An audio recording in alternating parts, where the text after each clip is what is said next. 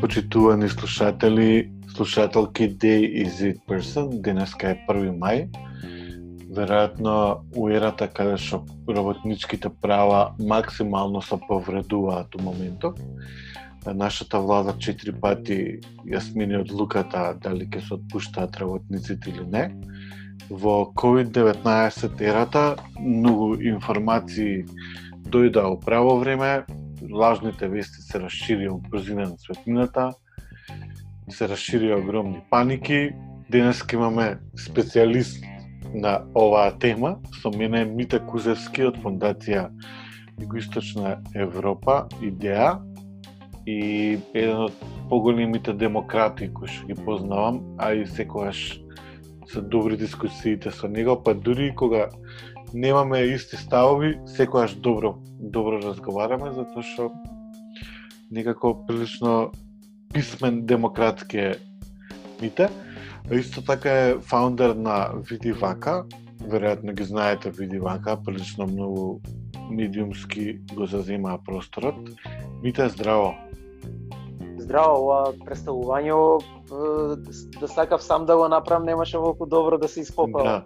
Заборев да напоменам и дека си одличен фотограф и дека у моментов објавуваш многу јаки фотки од Америка која беше летоска и од Њујорк да, и на да, етапи да, си ги. За, за тоа ми праќаат оно оној дечко со картон што што прави пораки и имаше сега е, не знам дали од него или пошто почна да му лепат нели фотомонтажи, прекинете да да постирате травел фотографии.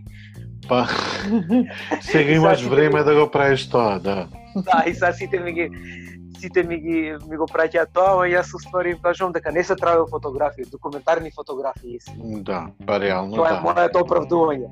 Па да, и кога ќе видиш кај тебе на сајта сите документарни фотки, ти немаш регуларни фотки од било што, него се баш документарни. Треба да одамна не си направил апдейт на сајтот, ствари или имаш направен апдейт? Не, немам направен апдейт на сајтот. Не знам зашто. Да, затоа што и веројатно и вебсајтот. Македонски не мукаат. Да, ама и прилично тажно што вебсајтот веќе изгуби некое значење. Денеска све е префрлено на онлайн, на Инстаграм и на диджитал медија. Види, тоа е една работа, друга работа е што на вистина имаш ситуација во која што создаваш содржина, mm -hmm. а, квалитетна или неквалитетна, ева да речеме дека со некој супер или прифатлив квалитет или квалитет кој што би требало да, да, да, да, да даде некој внимание и генерално немаш никаква реакција на, на, на тоа. Mm. А, да ставиш фотографија, да речеме некој глупаво селфи, имаш најмалку 100 лајка во првите 10 минути. Поразително. Тоа е поразително, ама не е тоа дека дека сега еве да речеме луѓето не се, се генерално воаерски настроени, не сакаат квалитетна содржина, сакаат само таква некоја воаерска содржина која што има споделување дел од интима.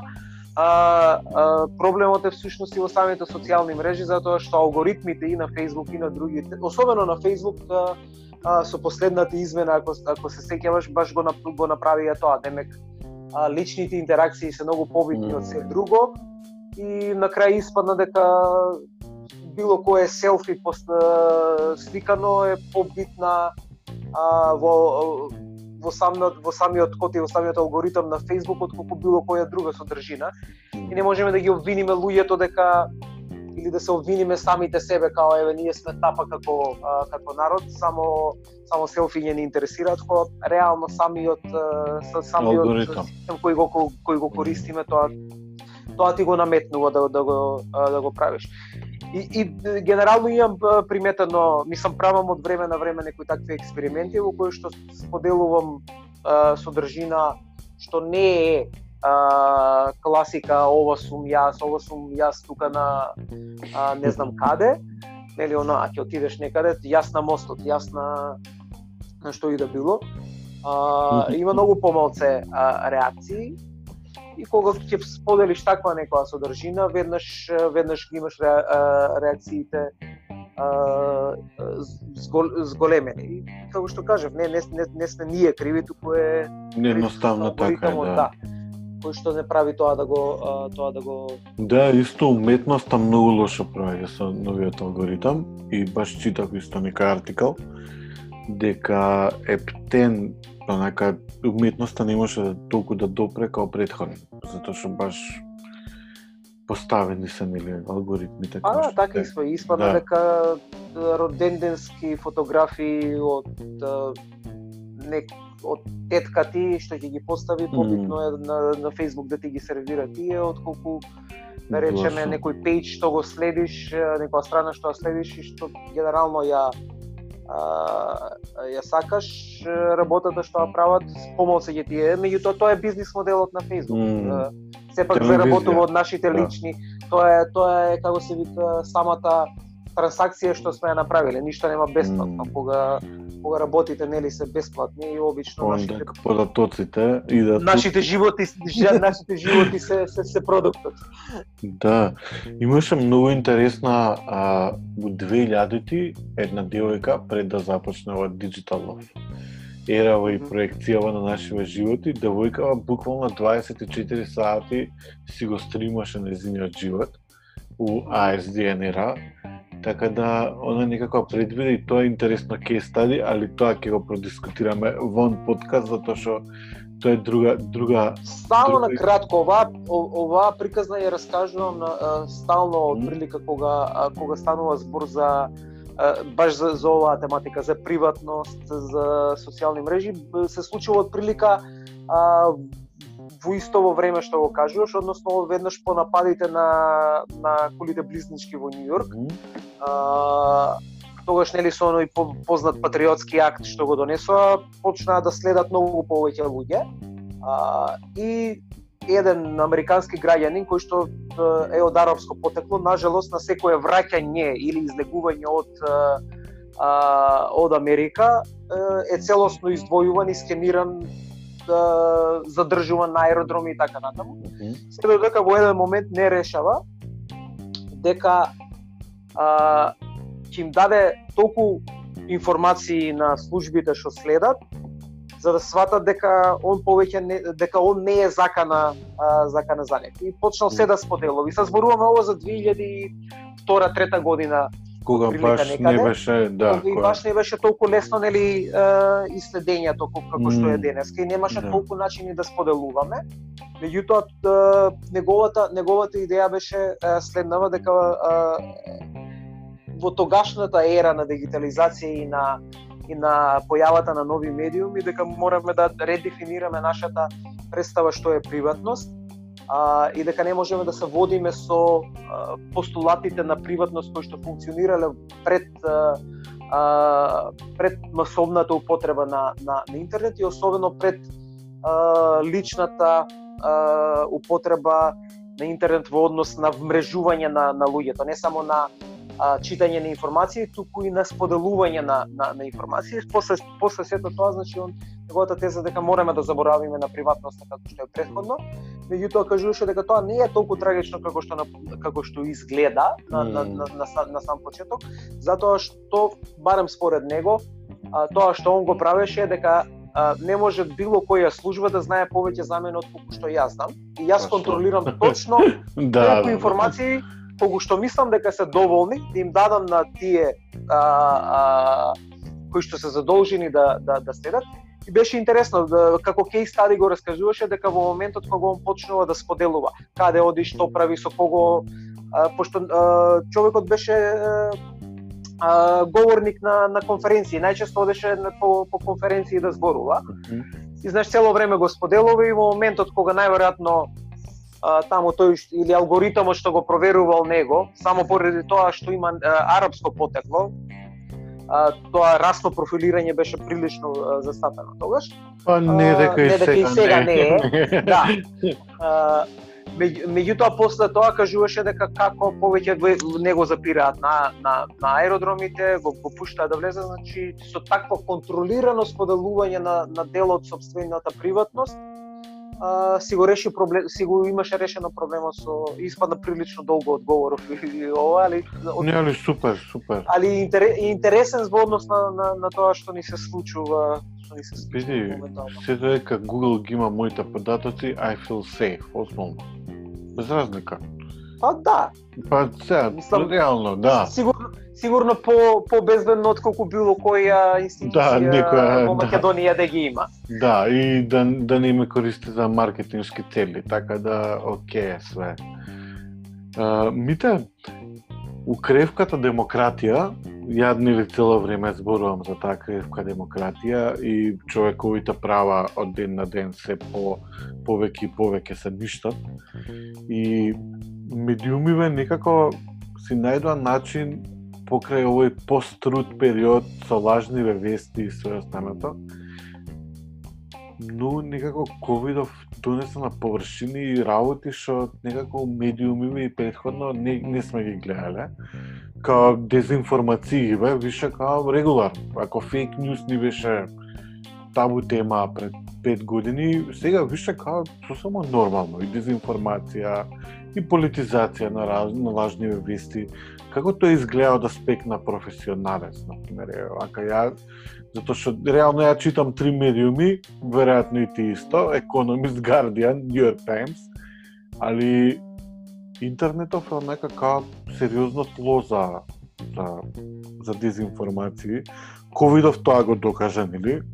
Се појавија експерти од секаков левел, од чипирање со 5G до вакцини, светов тотално е полуден во овој момент. Како изгледа тоа како професионален аспект? Види, а, прен, морам да кажам дека генерално понекогаш мислам дека пребурно реагираме на а, на, на, на, на, на ајде да речеме феноменот кој што да го, го кажуваме дека дека постои од од прилика 2016 а, почнува Мгм. да се посветува многу повеќе внимание а, со далеку познатата приказна на на велешките тинејџери дека Да. успеале да му помогнат некако на Трамп да дојде а, да дојде, да дојде на на власт. А, и понекогаш мислам дека пребурно реагираме на на а, на одредени дезинформации, особено во вакви сериозни а, а, моменти кога а, имаме реална закана по по по здравје и по и по и по безбедноста на а, на луѓето. А, зошто кажувам дека пребурно реагираме? Затоа што имате ситуација во која што а, да речеме се шири дезинформација од типот на а, вирусот е вештачки создаден. Да, да. И сега, генерално, а, оваа дезинформација може би во некои си нормални услови, кога не е пандемија, кога не сме во вонредна состојба, треба сериозно да му се пристапи и да се третира на одреден начин.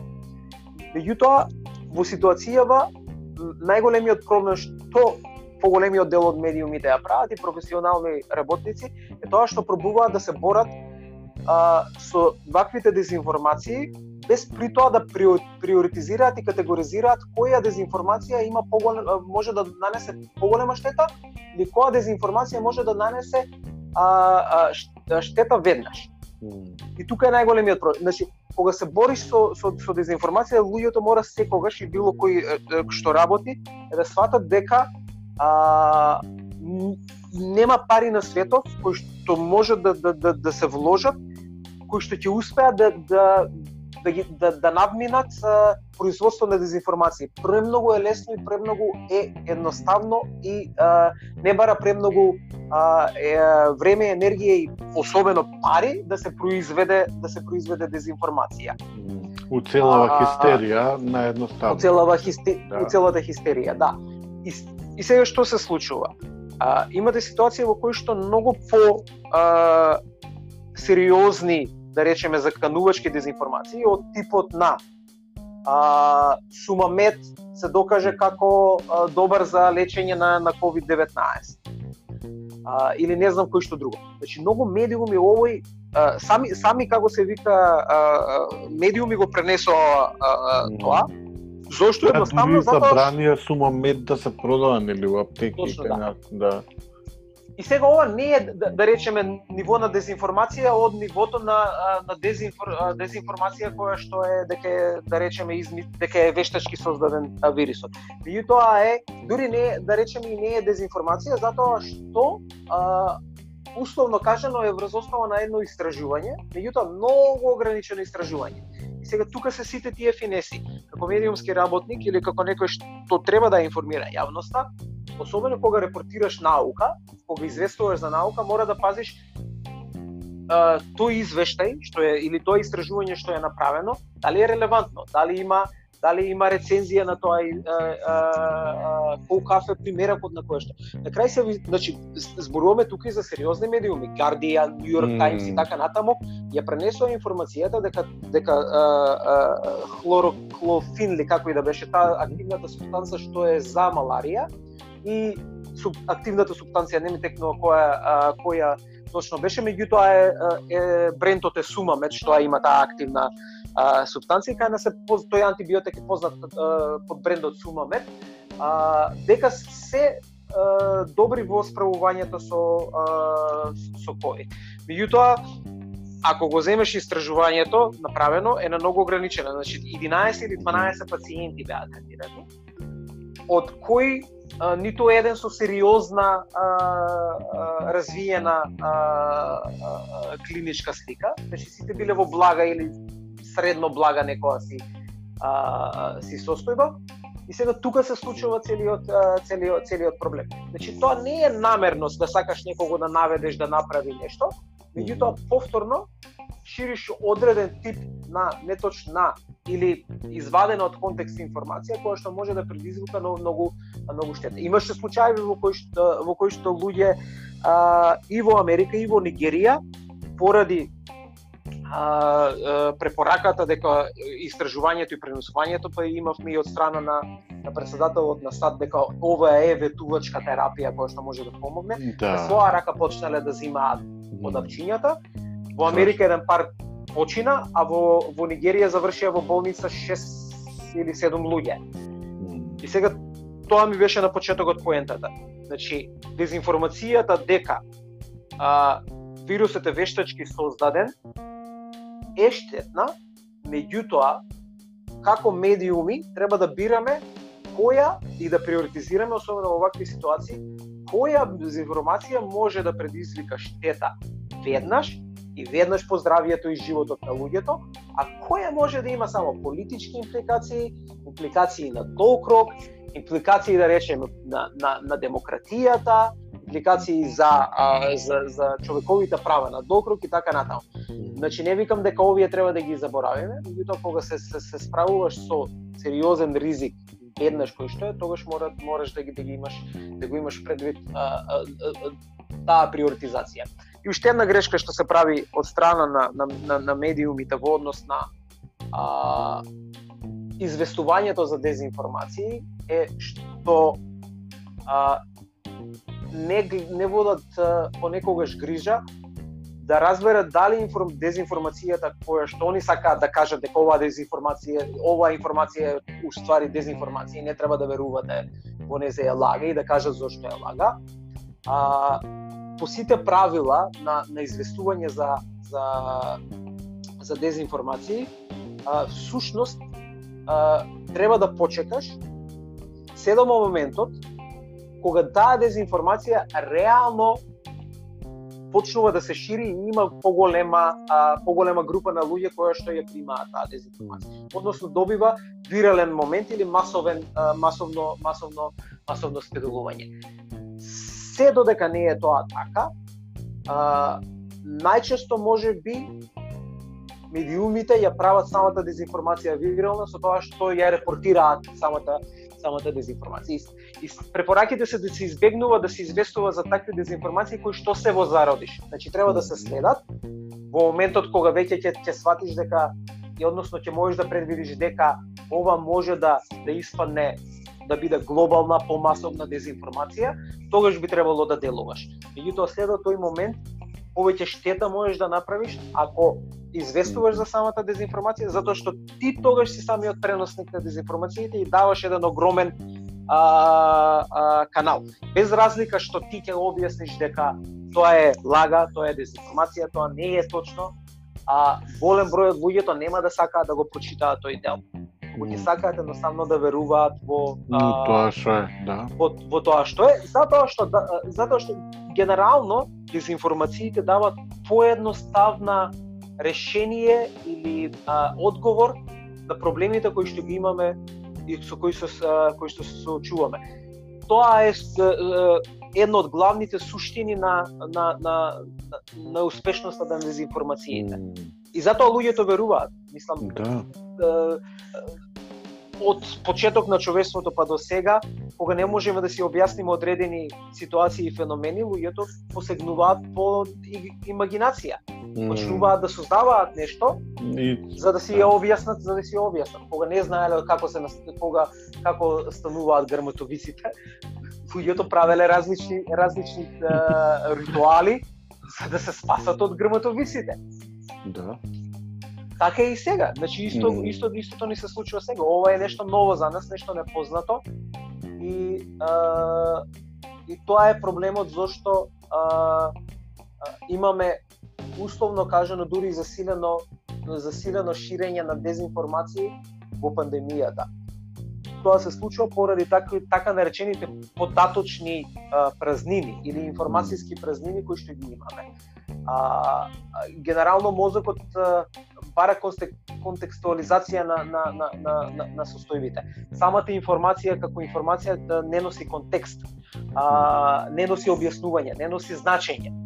А, мораме да си објасниме. Сега имаме ситуација во која што ние немаме ни информација, а не па да и дадеме значење на самата информација. информација. Затоа е многу лесно во овие податочни или информацијски празнини луѓето веднаш да се насочат кон кон дезинформациите, затоа што им даваат инстат одговор на нивните прашања а, кои што ги а, кои што ги мачат. Не точен, меѓутоа е одговор. Да, да, да. Мислам хистеријата, во која да. што паѓаме, во таа замката во која што паѓаме сите како како луѓе и зато и зошто се успешни толку дезинформации. Да, да. Баш кога ти текне првите недели кога ковидот дојде на Балканов, каква хистерија се решили. Готово, сите ќе умреме. Овие демокративе што као пропагандираат слобода, бараат политиски час, да стираат по фейсбуци, да се казнат луѓе во све остана тоа нека масовно масовно ширење хистерија и дезинформации, да не забораваме дека луѓе што експерти стануваат у, у ваква фрка. И јас знам ти многу интересно ти го следиш ковидов уште у ноември, кога се, се појави прв пат. Декември некаде, крај декември, да. да. И uh, реално први ние први да. Да, и као ние реално многу касно дознавме благодарение на некои амерички и европски медиуми, али прилично кинеските медиуми се затворени, па и не можехме да добиеме некоја информација плюс. И затоа стари многу лесно продре вајда толку фейк инфо кај нас. Или страшно беше онака првите недели каква хистерија се расшири поготово кај нас на интернет. Тоа беше многу језиво. Како како мислиш дека влијаеш ова врз демократските протести на едни општества, што реално слободните медиуми и не се баш и толку слободни периодов. А, секоја голема криза генерално а, носи а, рестрикција на слободи и човекови права. А, и секоја голема криза всушност ги тера луѓето да а, дури и оние кои што во условно кажано мирнодопски услови а, немаме војна, меѓутоа се војната ние со, со, со, со нешто што не можеме со, со, со голо око да го видиме, нели? Ни треба микроскоп за да го видиме, што значи дека повторно сме во некаков тип на војна. И затоа викам дека луѓето во, во мирнодопски услови обично а, кога не чувствуваат закана директна по самиот свој живот и по, по својата безбедност, а, многу полесно размислуваат за слобода, многу полесно размислуваат за човекови права, многу полесно размислуваат за а, за проширување на, на права. Меѓутоа, кога се соочени со директна закана, а, некогаш дури најгласните пропагатори на, на почитување на човекови права и слобода, а, стануваат најгласните пропагатори на ускратување на тие човекови Mm. права и, и, а, и, и слободи, а, со условно кажано во ова во ова во оваа ситуација некоја повисока цел, а тоа е безбедноста.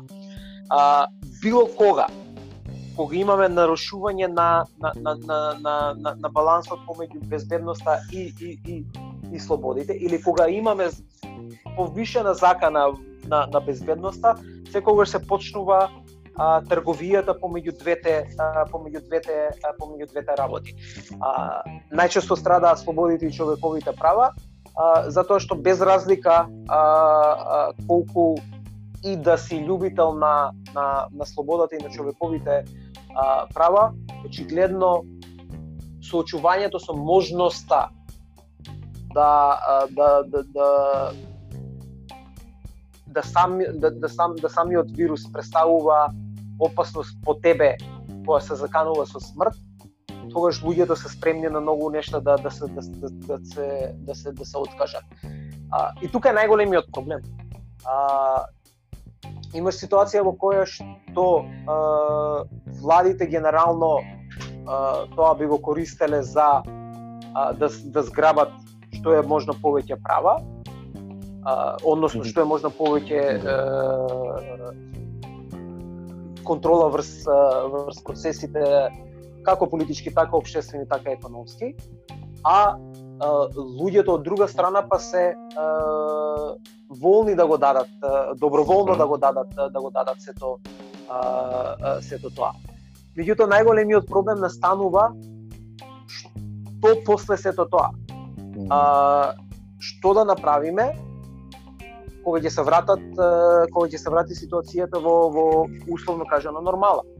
А, затоа што а, вакво владењето на ваквите а, на ваков начин е добро во вонредни ситуации, затоа што владите можат многу поефикасно да да делуваат, можат многу полесно да да а, да носат одредени пошто во одредната состојба да речеме кај нас во во Македонија што прилично е од приликат принципот е ист. Што значи тоа? Тоа значи дека а, и даваме ние се откажуваме од сите оние демократски а, процеси на дебата за одлучување и така натаму и даваме ексклузивно право на владата да со уредба а, која што има право на закон го уредува а, а, системот во кој што, во кој што живееме во услови на борба на со со пандемија. И сега како што кажав, тоа е добро во, во услови на пандемија. Меѓутоа во услови на, на нормални на повторно нормално функционирање на државата, таквите влади ниту се добри за општество, а, ниту за слободите, ниту за правата, ниту за, екон, за економијата. Најголемиот проблем и најголемото прашање пред кој сме исправени сега е всушност како да, а, после ова ќе ги натераме владите а, и властите да се откажат од стекнатите а, права во во а, за време на водредната на водредната состојба. А, историски гледано а, тоа можеме само да заклучиме дека тоа нема да се случи а, или а, нема да се случи целосно. А, дури во и, во, и најдемократските а, земји на, на, на светот нема да се вратат на ситуацијата како што беше како што беше а, претходно.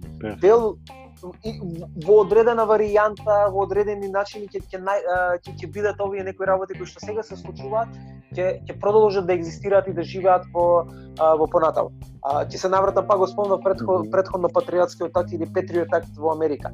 А, значи после а, отстранување на заканата на дека повторно може да се случи директен напад на, на американско тло, а, одредбите што беа во, во, во, во, во патриотскиот чин а, продолжи и понатаму во некој одреден а, различен а, видоизменет, да речеме, а, а, изглед да, да, да живеат и понатаму. Односно да, да, да бидат сега да, да бидат сега а, а, нормал, новото нормално. Mm. А, баш пред не знам точно кога беше, меѓутоа да читав дека а, на темава читав а, а, една колумна во која што беше баш за а, баш за, за оваа ситуација за, за и за Нью Йорк посебно, а, дека предупредувањето. На пример пред а, нападите на кумите близначки, а, полицаец да побара од тебе во метро или било на улица да те запри да побара да ти го прегледа ранецот, било незамисливо, би се бунел, би протестирал. А, а вика сега за разлика кога не само што вика не не не не ни представува проблем тоа да го направат полицајците, туку и дури доброволно ќе го отвориме во метро а, ранецот за да ни го прегледаат да видат дека ние не сме да видат дека ние не сме закани. Али... Што значи дека условно кажано новото нормално mm. а, што кога ќе дојде, а не знаеме точно што ќе биде тоа новото нормално. Mm. Затоа што најголемиот дел од луѓето, да, најголемиот дел од оние што што анализираат, нивно заклучот е дека нема да се вратиме во состојбата како што беше пред а, пандемијава, дека ќе има некоја нова состојба. Што точно ќе ќе биде таа состојба не знаеме, меѓутоа тоа ќе биде нашето ново нормално. Сега нашето ново нормално што ќе донесе а, и колку ќе се загрозат а, политичките а, слободи, а, слободата на, на, на изразување, а, слободата, човековите човековите права а, и особено а, колку ќе се а, загрози приватноста на луѓето, а, се уште не се знае, меѓутоа генерално насоката е на тоа дека не во никој случај нема да да, да биде како што беше како што беше претходно. Значи со сето ова на крај ќе ќе ќе ќе заврши со тоа што дел од тие слободи, права или приватност ќе бидат а, повторно а, намалени а, mm. се во име на безбедност. Да. Па не, види, например, американ, американското општество е прилично демократско, нели, поставено е на тој темел дека луѓето треба да се изразуваат и се останат. У моментов, прилично грозно изгледа. Таму се појавуваат антиваксерски мувменти и све останато, кои што луѓе веруваат дека короната е фейк, дека не постои и све останато. И сега медиумиве реално ги пренесуваат информациите, затоа што пак е дел на едно општество. Али загрозената демократија и така како ќе има проблеми, пошио нака беше застаклен но за сега ова уште толку, уште толку поише само ќе задлабочи ситуацијата. Интересно е... Само, само малце ова тука, значи 2000 2020, не, во 2020 излезе извештај за 2019 за индексот за доверба во демократијата. Mm -hmm. а, и беше на најниско можно а, ниво од како тој индекс за, за постои за мерење на доверба на глобално ниво за довербата во во, во демократијата. Што значи ова зборуваме за пред пандемијата, дека луѓето а, почнале во цел свет. Значи не зборуваме само за авторитарни диктаторски режими, хибридни режими и така натаму. тоа зборуваме за, за, за, за, за земји каде што имаме високо развиена демократија. Значи таму под, во 2019 нивото на доверба во демократијата беше паднато на најниско ниво откако се се се, се мери тој индекс. Е сега а, деф, а, оние а, дезинформации а, што што исто така а, одеа во таа насока, од беше беа да се представат пред се авторитарните и, диктаторските режими како Кина, а, дека подобро се справуваат со со ситуацијата. А, имаше огромна а, машинерија впрегнато да се покаже дека дека демократските системи а, премногу се троми, премногу се бавни, се губи време на неефикасни дебати. За разлика од овие авторитарни демократски системи каде што е централизирано одлучуваат. Е, еден еден одлучува или или шака луѓе одлучуваат за што треба да се направи. И тоа на вистина на прв поглед така изгледа.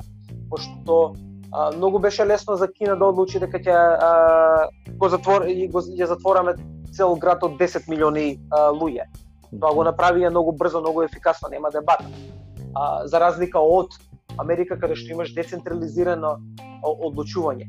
Па не можеше било не можеше така лесно федералната власт да наметне на било која држава и на било кој гувернер, а, сега ти мора да го направиш ова.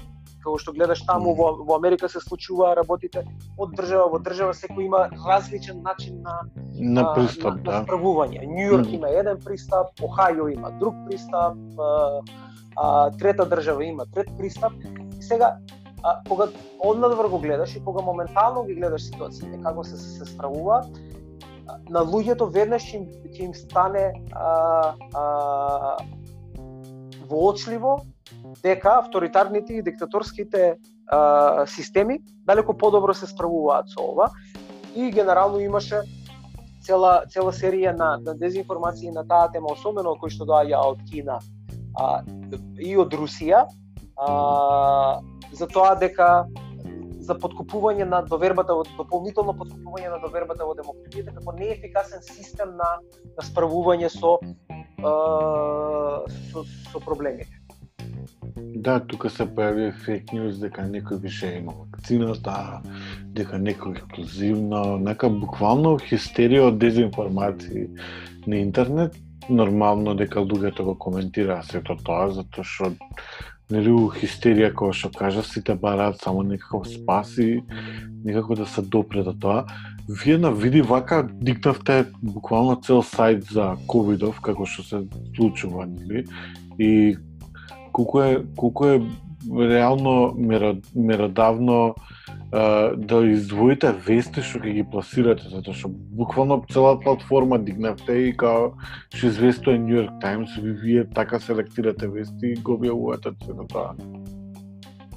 А, идејата а, а, за тоа повеќе ни беше не толку да да известуваме секојдневно, пошто ние сепак не сме медиум кој што дневно известува Да, не сте така.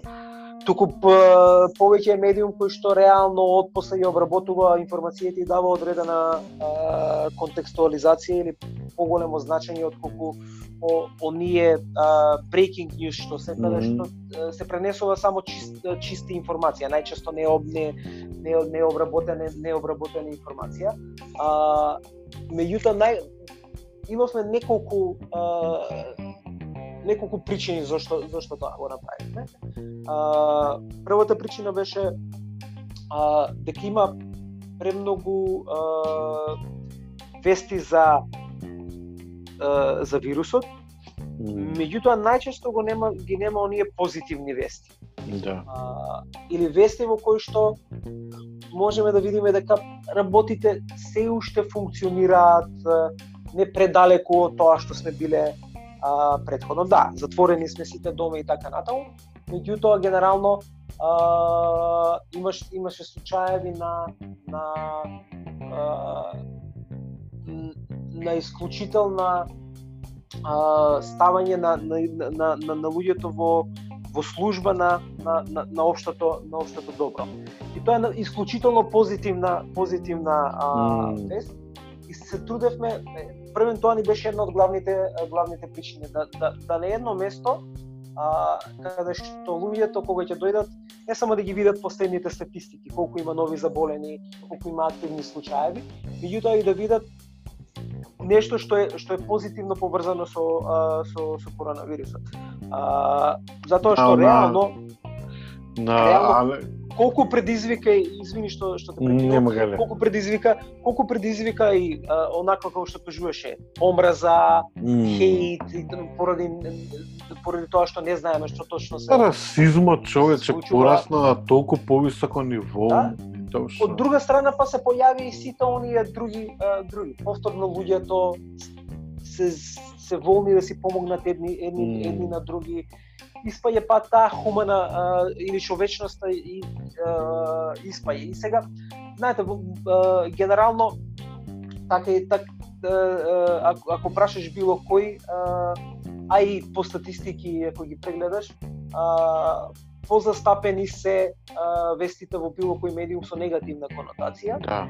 и генерално ние имаме слика затоа што сликата е, и ја креираме и преку медиумите, нели? А, не дека целосно ја креираме од медиумите, меѓутоа и е, се, се, се дел од тие кои што ни помагаат да да креираме сликата. Се случува да ние повеќе да, да веруваме дека дека дека има повеќе негативности отколку позитивни ствари кои што се што се случуваат, а генерално некогаш и не е така. Меѓутоа, тоа беше една од причините зашто зашто сакавме да го да го почнеме. Втората причина беше како што имавме на едно место да, да, да, да може да се видат и кои се најчестите дезинформации и митови, па луѓето да да да може да се информираат за тоа дека со задржување на, на воздухот од 10 секунди не можеш да провериш дали, дали имаш коронавирус или не. А, голем дел од луѓето нема да веруваат дека тоа тоа е дезинформација, повторно ќе се веруваат во дезинформацијата. Меѓутоа, наша работа е секогаш да да да да да укажеме. Колку повеќе да. некој ќе го ќе го а, ставиш а, или ќе му предочиш други информации, може би веднаш нема да го промени станот, меѓутоа има шанса на подолг рок да да се влијае на него и една од други друга битна работа што мислам дека а, дека генерално а, не е премногу премногу за а, за застапена а, е објаснувањето на терминологијата околу а, коронавирусот. А, тоа беше и една од, од, нашите, од нашите цели зашто го направивме сето тоа. А, затоа што а, сите ги кажуваме и ги повторуваме како како папагали а, а, фразите и речениците кои што ги слушаме на медиумите. Социјално дистанцирање, а, рамнење на кривата и така натаму.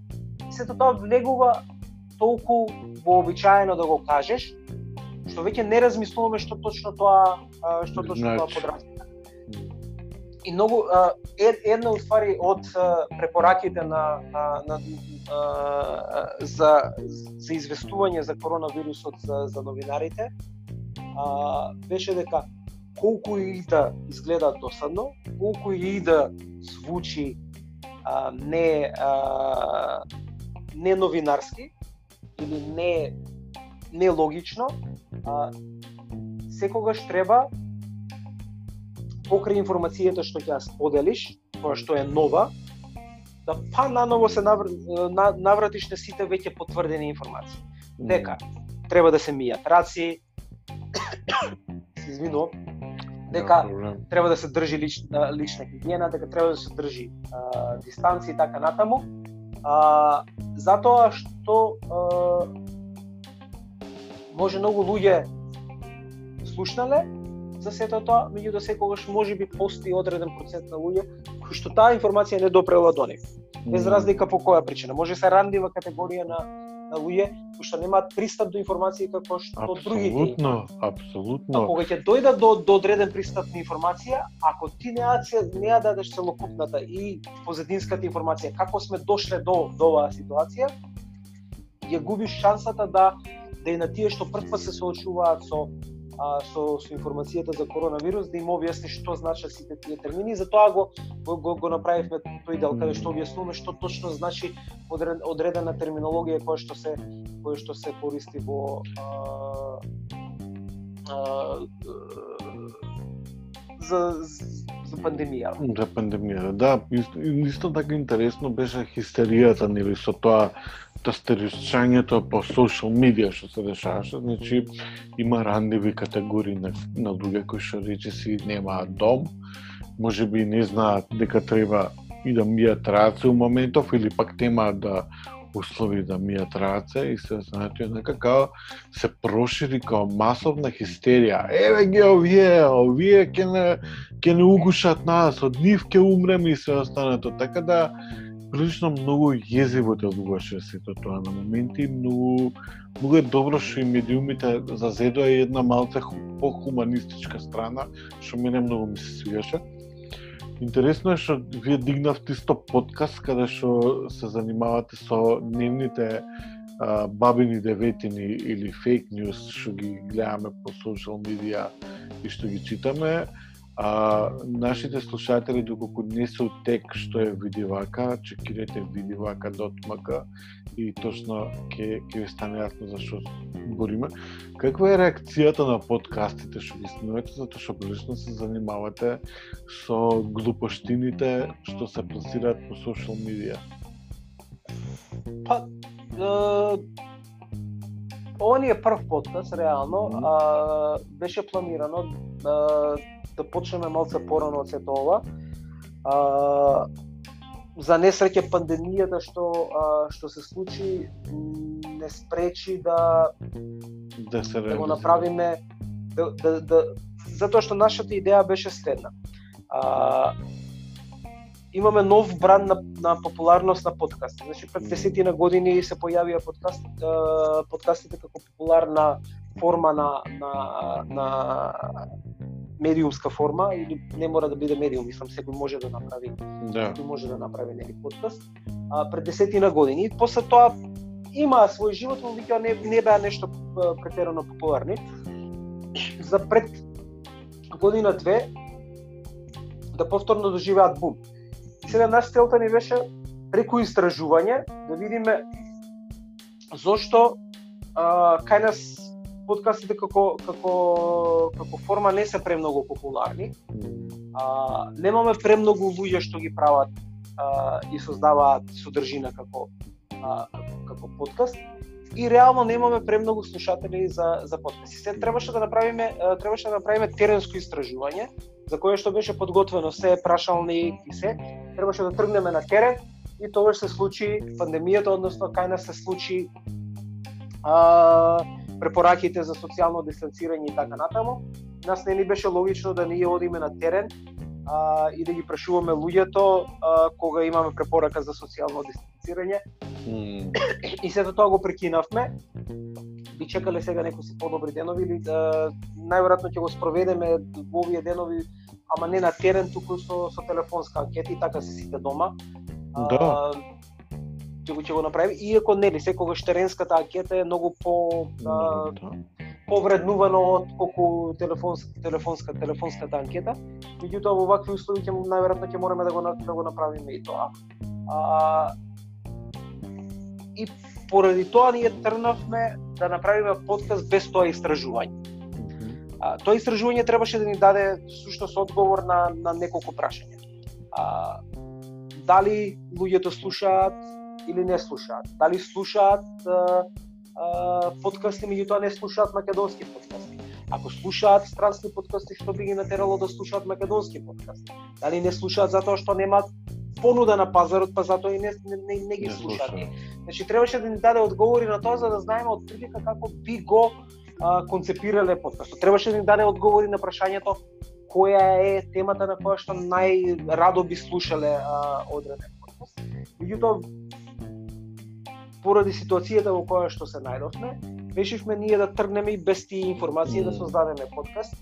А, и најлогично во оваа ситуација ни беше дека подкастот би требало да се занимава со а, дезинформациите кои се појавуваат а, во врска со пандемијата, односно не само дезинформациите, туку тој целосен еден а, информацијски неред што се што се случува. Пошто тука имате од а, дезинформации а, кои што по дефиниција значи дека се а, а, намерно креирани а, полувистини со цел за да се а, за да се наштети yes. Тука имате после погрешни информации во смисла на тоа новинар, еве да речеме дека она она што го спомнував со истражувањето. Тоа не е дезинформација по дефиниција, туку повеќе е а, а, погрешна погрешно толкување на, на, на, на одредени информации и е ненамерна грешка. Значи ненамерно вие сте под, сте, сте предале одредена нецелосно точна или неточна инфо- неточна неточна информација, па ги имате оние класични лажни вести каде што воопшто ништо не е точно, се е измислено. Тие реално и се нај и се најлесните за а, за справување со нив. Затоа што се толку се пре, пре, прилично очигледни. А, и и ги имате овие теории на заговори и така натаму. А што се што се случуваат и затоа затоа мислевме дека е може би без многу размислување дека тоа е темата која што може да биде најинтересна моментално да се а, да, да, да, да, да, да се прави. Види, верувам дека ако направевме подкаст за 5G мрежата како ја шири коронавирусот, дека ќе беше далеко попула- попопуларен од колку Нормално. овој кој што се труди да објасни дека 5G мрежата не може да шири корона Па коронавирус и дека и дека нема и дека нема такво штетно влијание како што што што што тврдат луѓето што што веруваат на таа теорија на заговор. Иако уште не можам да ја објаснам таа теорија на заговор како луѓето веруваат, али ете, Па, се како што ви кажав, тие тие информацијски празнини да се плодна почва за а, М, создавање на на, на инстат одговор за а, за одредени проблеми кои што кои што ги а, кои што ги имаме. И а, генерално реакцијата на на подкастот пошто а, тој беше дел од прашањето, а, дел е позитивна, дел е негативна што е сосема нормално и очекувано. А, понегативна е таму каде што а, верувањата во одредена дезинформација се се повтемелени. А, да речеме дека а, ако ако каде епизодата каде што зборувавме точно за она тајванска метода за како да се провериш дали имаш корона или не дома со дишење, не дишење, па со влажнење на грлото, да го спуштиш вирусот во а, во дигестивниот тракт и тамо да го да, да го уништиш. А, Да. значи на тоа нема затоа што брзо луѓето брзо луѓето сватија дека чекајте не, не, не може баш тоа тоа така. Иако има луѓе кои што се уште се веруваат во тоа. Да, да, да, страшно е. меѓутоа поголем меѓутоа поголем дел од луѓето најверојатно сватија дека дека единствениот начин да да, да дознаеш дали си а, а, заболен од корона или не, всушност да направиш тест А, со бриз, а не со, со, со задршка на, на дишењето. А, и таа, да речеме, тој, тој, тој подкаст а, немаше премногу негативни а, реакции, во смисла на тоа да ни кажат вие многу шо вие, да. што што разбирате вие сакате да не уништите ова она меѓутоа еве да речеме за а, за за Бил Гейтс а, Мгм. и, и за 5G таму реално имаше до, доста негативни доста негативни реакции на на на на на, на, на тој подкаст со дури и обвинување дека сме во а, служба на сатаната на сатаната, а сатаната моментално е Бил Гейтс, односно Gates of Hell или како Hell of е, Hell Gates, или како и да да а, да, Да, го Hellgate, сега. да. Да. А, затоа што луѓето веруваат дека Бил Гейтс Да. стои за еден, еден заговор а, а, кој што би требало да, а, да, да направи депопулација на, на, на планетата Земја, се поврзува со уште една пост, на постара теорија на заговор, а, која што е наречена златна милиарда, односно дека а, одредена група на, на, на богати луѓе делува да ја намалат да ја намалат а, светската популација на една милиарда, а, затоа што сметаат дека тоа е некое ниво каде што а, само богатите ќе можеле да живеат, ќе немало сиромашни, а они не сакале сиромашни, па отприлика нешто нешто нешто така е. Значи таа е постара дезинформација, меѓутоа сега знаеш, си една Да, дојде... теорија на заговор и се ги накалемулуваат една на друга. Да, да. Депопулација, златна милиарда, 5G и така натаму се врти се врти Се врти причата, да. Да. А, а, искрено немаме премногу големи да речеме очекувања дека сега ние ќе достигнеме до огромна публика со подкастот.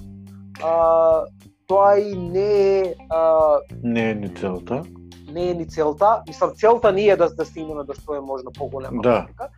Меѓутоа, моментално мислам дека а, а, се отворија неколку македонски подкасти нови, Мм. колку што колку што можем. Еден, еден е а, а, овој. кој што после 4-5 години правење му аве треба подкаст Се да направи, треба подкаст да направи се случи.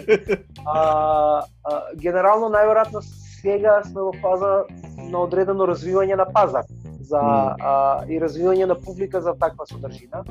А, може да успееме, може и да не успееме. Не се знае, точно. да, не се знае. Генерално треба да видиме дали ќе имаме квалитетна содржина, дали ќе имаме понуда на таа квалитетна содржина и дали ќе дали ќе го погодиме вкусот на на оние што би сакале да слушаат таа таа таа содржина. Меѓутоа ген, е, само колку за компарација имавме е, е, пред една година најверојатно тоа беше во мај месец 2019 а, имавме обука од страна на на нај а, најпопуларниот и најпознатиот а, подкаст од Романија. Mm. А, значи девојката кој што за среќа и јас учествував во таа обука. Да, да. Девојката која што дојде, значи пазете сега колку поголема земја е Романија од Македонија. Кажа дека он е нај најпопул значи он незиниот подкаст е најпопуларниот подкаст во Романија и со најголема а, а, публика и кога ни ја кажа бројката, ние малце бевме зачудени. Mm. Тоа беше дека она има публика од 2000 луѓе. А, а Романија е далеку поголема земја од Македонија. Македонија, да. Да, и сега се, се поставува прашањето, чека, ако во Романија 2000 луѓе е најпопуларниот подкаст, кога што би била вистинската бројка за популарен подкаст во Македонија? А, и генерално тогаш правевме мове дека а, а, значи зборуваме сега за не за слушања 2000, туку за за 2000 лојални слушатели на на mm. на, на, на, на подкастот. Што значи дека некаде правевме мова дека во македонски рамки би било ако имаш некаде 500 лојални слушатели, дека тоа би било а, некакво си реципроцитет или односно пандан на на на популарноста на тоа што е во а, во во во Романија. Да, супер многу убаво објаснато. Ајмите, пошто крише саат време снимаме, брзо преде времево. Значи многу зборувам, а? Не, супер одлично е ова, се надевам дека... Може да ги, ги, ги објаснувам преобширно работи. Не бе, реално супер е тоа. Заборавме да спомнеме за Digital Detox, пошто ја тим почна да се го практикувам. А, да. Ја, и со тебе често го зборуваме тој термин. Ај малце... Да. Дај малце објасни на слушателиве као за аутро, што значи digital detox и колку е потребен за нашиот мозок digital detoxот? А... Колку ти го практикуваш исто и тоа е многу... Затоа што денеска буквално сме 24 сати онлайн, пошто на свет да тоа се свет, да. Ама и животот наш денеска се сведе на живење онлайн и а, да. Види, од, од една страна за мене е многу потешко да го да го практикувам затоа што мојата професија е поврзана со со информации. А, значи тоа ти е исто кога да кога да му кажеш на некој а, што работи со а, еве со со производство на уметнички дела како што ти, mm. Со производство на уметност, намали малку со уметност. Да. ситуација за, за, за луѓе кои што професионално се занимаваат со со обработка на на на, на информација, односно медиумска обработка на информација. Не зборуваме за обработка на информација и статистики или така натаму да речеме, тоа се статистички. А, е тешко во, во оваа ситуација, без разлика дали професионално се занимаваш со со обработка на информација или не, е тешко да да да да да, да се да се откажеш од информацијата, особено што немаш друг а, а, друга дистракција. А, друго одземање на на вниманието.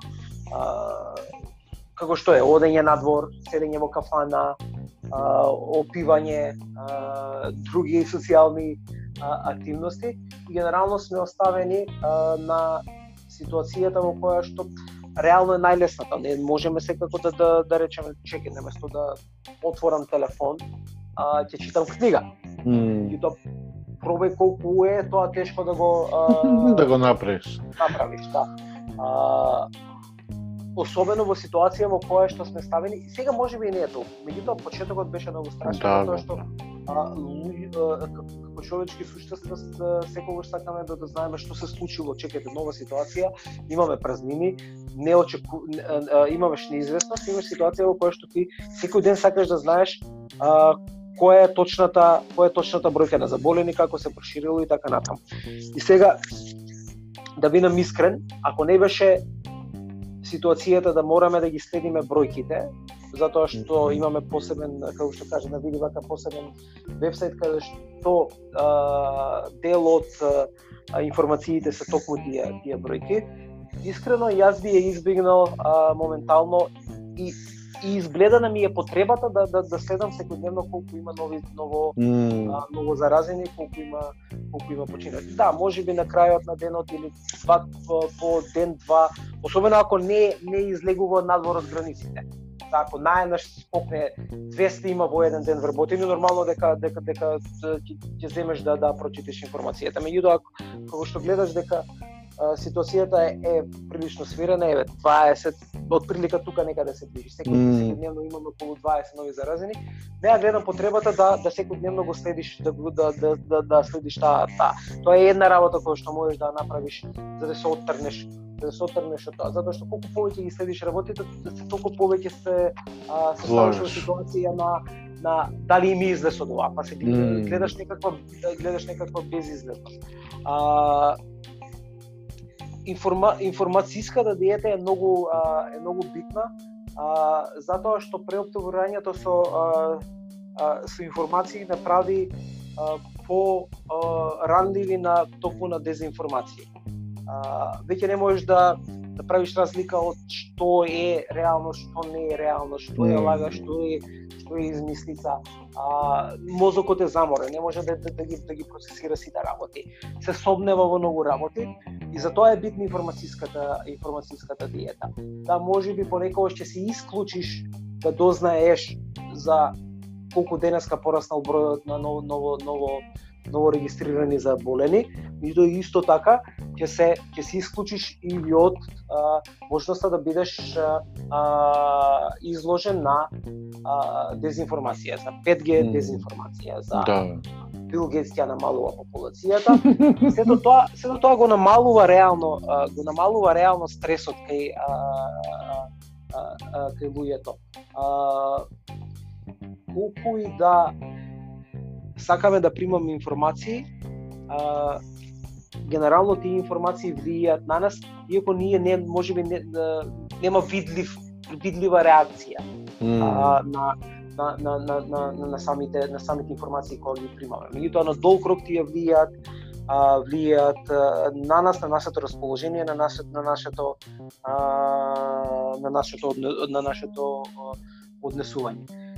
И затоа е битно да се да, да, да се да се направи таа информацијска а, диета. Yeah. Најлесно е првен да се да се исклучиш од секојдневно информирање или компулсивно информирање за за ситуацијата. А, второ нешто што можеш да, да, да, да, да направиш е да го ставиш то, то да, дури мене и пред пандемијата ми беше так, так, таква сетива, значи имам do not disturb mode а, или не вознемирувај а, режим на работа на, телеф, на телефонот во секое време и единствено а, добивам звучна нотификација само доколку е, е телефонски повик или е аларм или е а, to нешто, односно нешто што сум ставил дека морам да го направам. Значи тоа се трите информации кои што ја му дозволувам на мојот телефон да ме вознемирува со звук. А, значи во позадина си течат а, а, како се работи нотификациите, односно известувањата, меѓутоа во ниту еден момент не ме звучно не ме вознемерува за да ми го одземат вниманието од нешто друго што може би го правам во моментот или па да ме повторно да ме внесат во а, во на затворен круг на потреба да бидам цело време информиран. Mm. А... Да, јас ги избришав Facebook и Messenger од телефон Е тоа го немам направено и тоа е нешто што го премногу премногу да, премногу време. Али од таму тргнав на digital detox, нека notifications off, бришање апликацииве, ајде. Мислам, да. реално читаш медиум, доволно е тоа, нема потреба поише. Види, една, една замолив луѓе да не ми праќаат линкови на темава, затоа да. што да. нека спасувачки ми е сето тоа, затоа што доволно преживуваме вака, оке ми е. Да. А една позитивна работа пред се искуштив да кажам на почетокот, кога кажав дека а, понекогаш може би самите впаѓаме во, во замка и а, и премногу а, посветуваме а, а, внимание на а, на дезинформациите, е во смисла дека не треба да им посветуваме внимание, меѓутоа дека а, дека реагираме пребурно на на, на одредени работи не, не, не толку потребно. А, е, е тоа што а, истражувањата, а, особено за март месец, а, во однос на тоа од каде луѓето ги добиваат информациите, а, имаше огромен пораст и огромно враќање повторно на а, извор на информирање да бидат а, медиумите. Mm -hmm. Зборувам за медиуми, зборувам во а, а, во смисла на медиум кој што а, е поставен во, а, во, во, во некој си, условно кажано, традиционален тип на, на, на, на функционирање. Односно, имаш а, изворна информација, имаш новинар кој што обработува таа информација, имаш уредник што ја прегледува информацијата и како е обработена информацијата, над него имаш а, управен одбор, а, собственик и така натаму. Значи зборувам за таков тип на на на на, на поставеност на на медиумите кои што реално во во во минатото биле одреден а, а, како firewall за за mm. за за, дезин, за дезинформацијата затоа што луѓето оделе таму да се информираат. Не не се информирале од тетка Дафинка на на на, на, на Facebook што пишала. А, дека ќе не чипираат.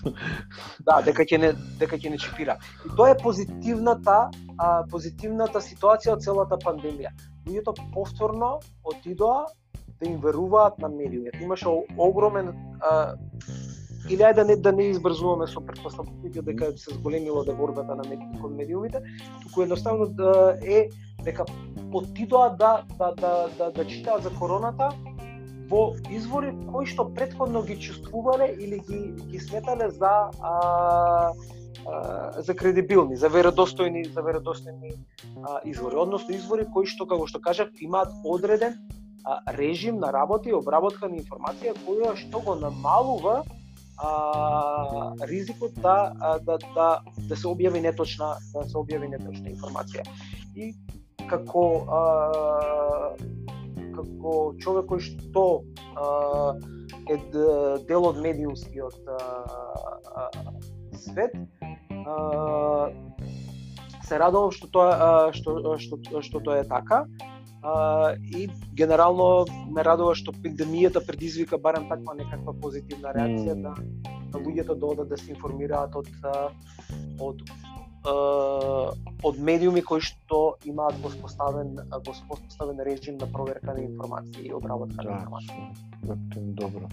Од друга страна и мене на пример, ја секако верувам во тие а, форми на будење на човештвото, покрај тоа што природата малце одмори од нас, него и однака огромна почит се разви кон медицинските лица, луѓето кои што работат маркети, луѓето кои што прават деливери, луѓето кои што се грижат за јавниот простор и за чистотата, за чистењето на контингери и све останато, но нека малтене се работи што ги имавме забраени у човештво. И така, некако верувам дека сето тоа се менува. Сега може би тоа е само мој некој позитивен став, али сведоци сме на, на менување на светот кој што бише нема ни да биде ист малтане. Што од една страна е и добро и лошо, останува да видиме времето што ќе ни покаже. А да, да видиме како ќе се да. од ова пандемија од да на подобри денови. На подобри денови, да иако економските параметри се страшни моментално. Ужас. Сироме до прва. Веќе сосема, да, сосема да. друга, сосема друга. Сосема друга тема. Каде што реално и не не, не би се дрзнувал да да, Да, зборувам да, да. нешто, затоа што не сум Не сме соодветни, да. Не сум соодветен, да. Може би само приватно да ти да, да си правиме муавет колку Ама сакаме, тоа е да- приватно, да. Тоа е приватно, меѓутоа. Јас се плашам дека економски тешкото допрва доаѓа, али ајде, ќе викнеме гостин на тема економија, па ќе можеме Да. поише да Па според сите оние што ги читам барем на М, извешти најлошото во економијата тек ќе следи. Да, да, да.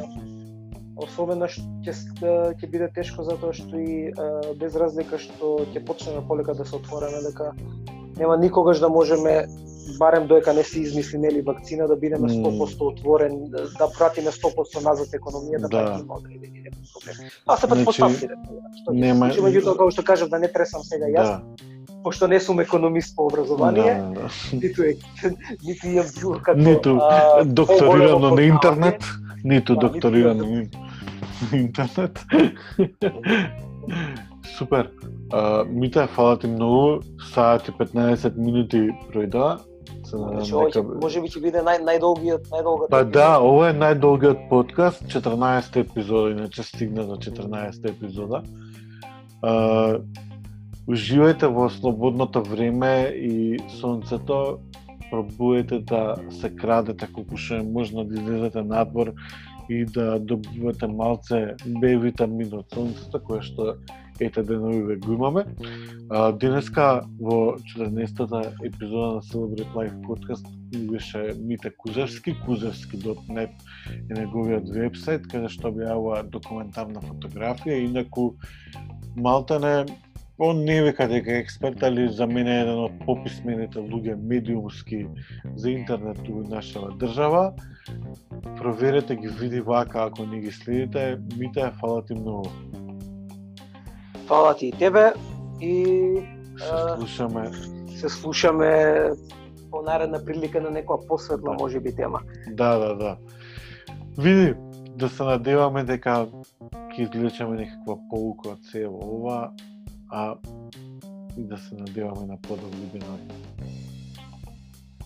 Така почитувани слушатели, слушателки Дей и Зид, јас сум Индок, останете во добро расположение доколку го имате и трудете се да бидете малте непосрекни и пробајте да не хистеришате, затоа што смртта нема да стигне по Facebook Messenger.